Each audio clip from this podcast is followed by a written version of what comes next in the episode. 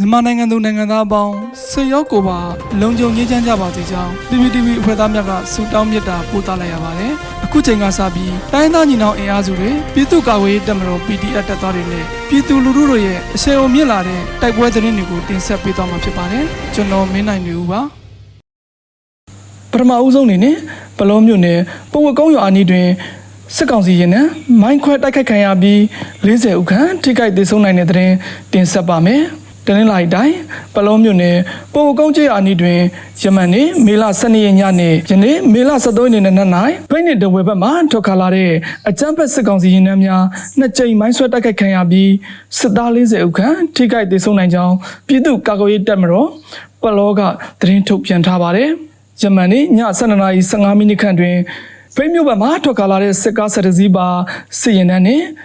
ယနေ့နေ့နဲ့၄နာရီခွဲခန့်တွင်တဝယ်ဘက်မှဆင်လာတဲ့စစ်ကား16စီးပါစစ်ရင်တန်းများကိုပလော့မာမိတ်တပ်ပေါင်းစုမှမိုင်းခွဲတိုက်ခတ်ခဲ့ခြင်းဖြစ်ကြောင်းသိရှိရပါတယ်။အဆိုပါရင်တန်းများကိုမိုင်းခုနှလုံးဖြင့်ဖောက်ခွဲတိုက်ခတ်မှုကြောင့်စစ်သား40ဦးတမနဲ့ထိခိုက်မိဟုခန့်မှန်းကြောင်းပြည်သူ့ကာကွယ်ရေးတပ်မတော်ပလော့ကထုတ်ပြန်ထားပါတယ်။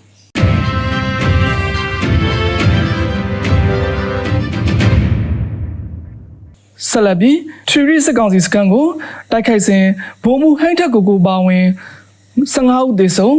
အရှင်ဖမ်းမိသည့်9ဦးကိုကောင်းမွန်စွာထားပြီးစစ်ဆေးနေတဲ့တဲ့ရင်တင်ဆက်ပါမယ်ရှမ်းပြည်နယ်တောင်ပိုင်းညောင်ရွှေမြို့နယ်ထရီရီကျွော်ရှိ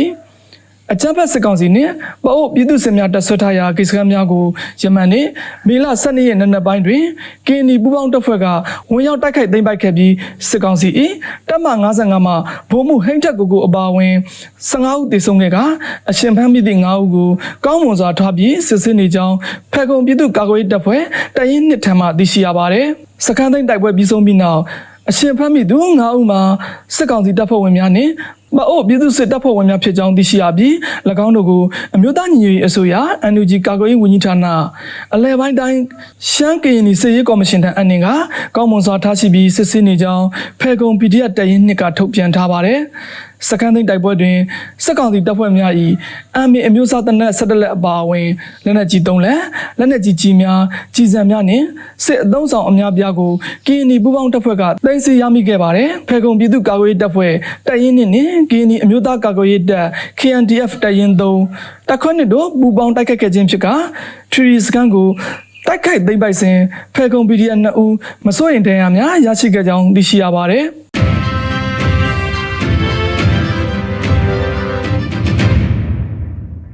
နောက်ဆုံးအနေနဲ့ပလဲမြို့ပေါ်ရဲစခန်းနဲ့စစ်ကောင်စီဌာနဆိုင်ရာများကို PDF ပူးပေါင်းတပ်ဖွဲ့ကတိုက်ခိုက်ရာစစ်သား9ဦးသေဆုံးခုခံတိုက်ခိုက်သောကြံ့ခိုင်ရေးရုံနဲ့ဒလန်အိမ်များမိလောင်တဲ့တဲ့တင်ဆက်ပါပါ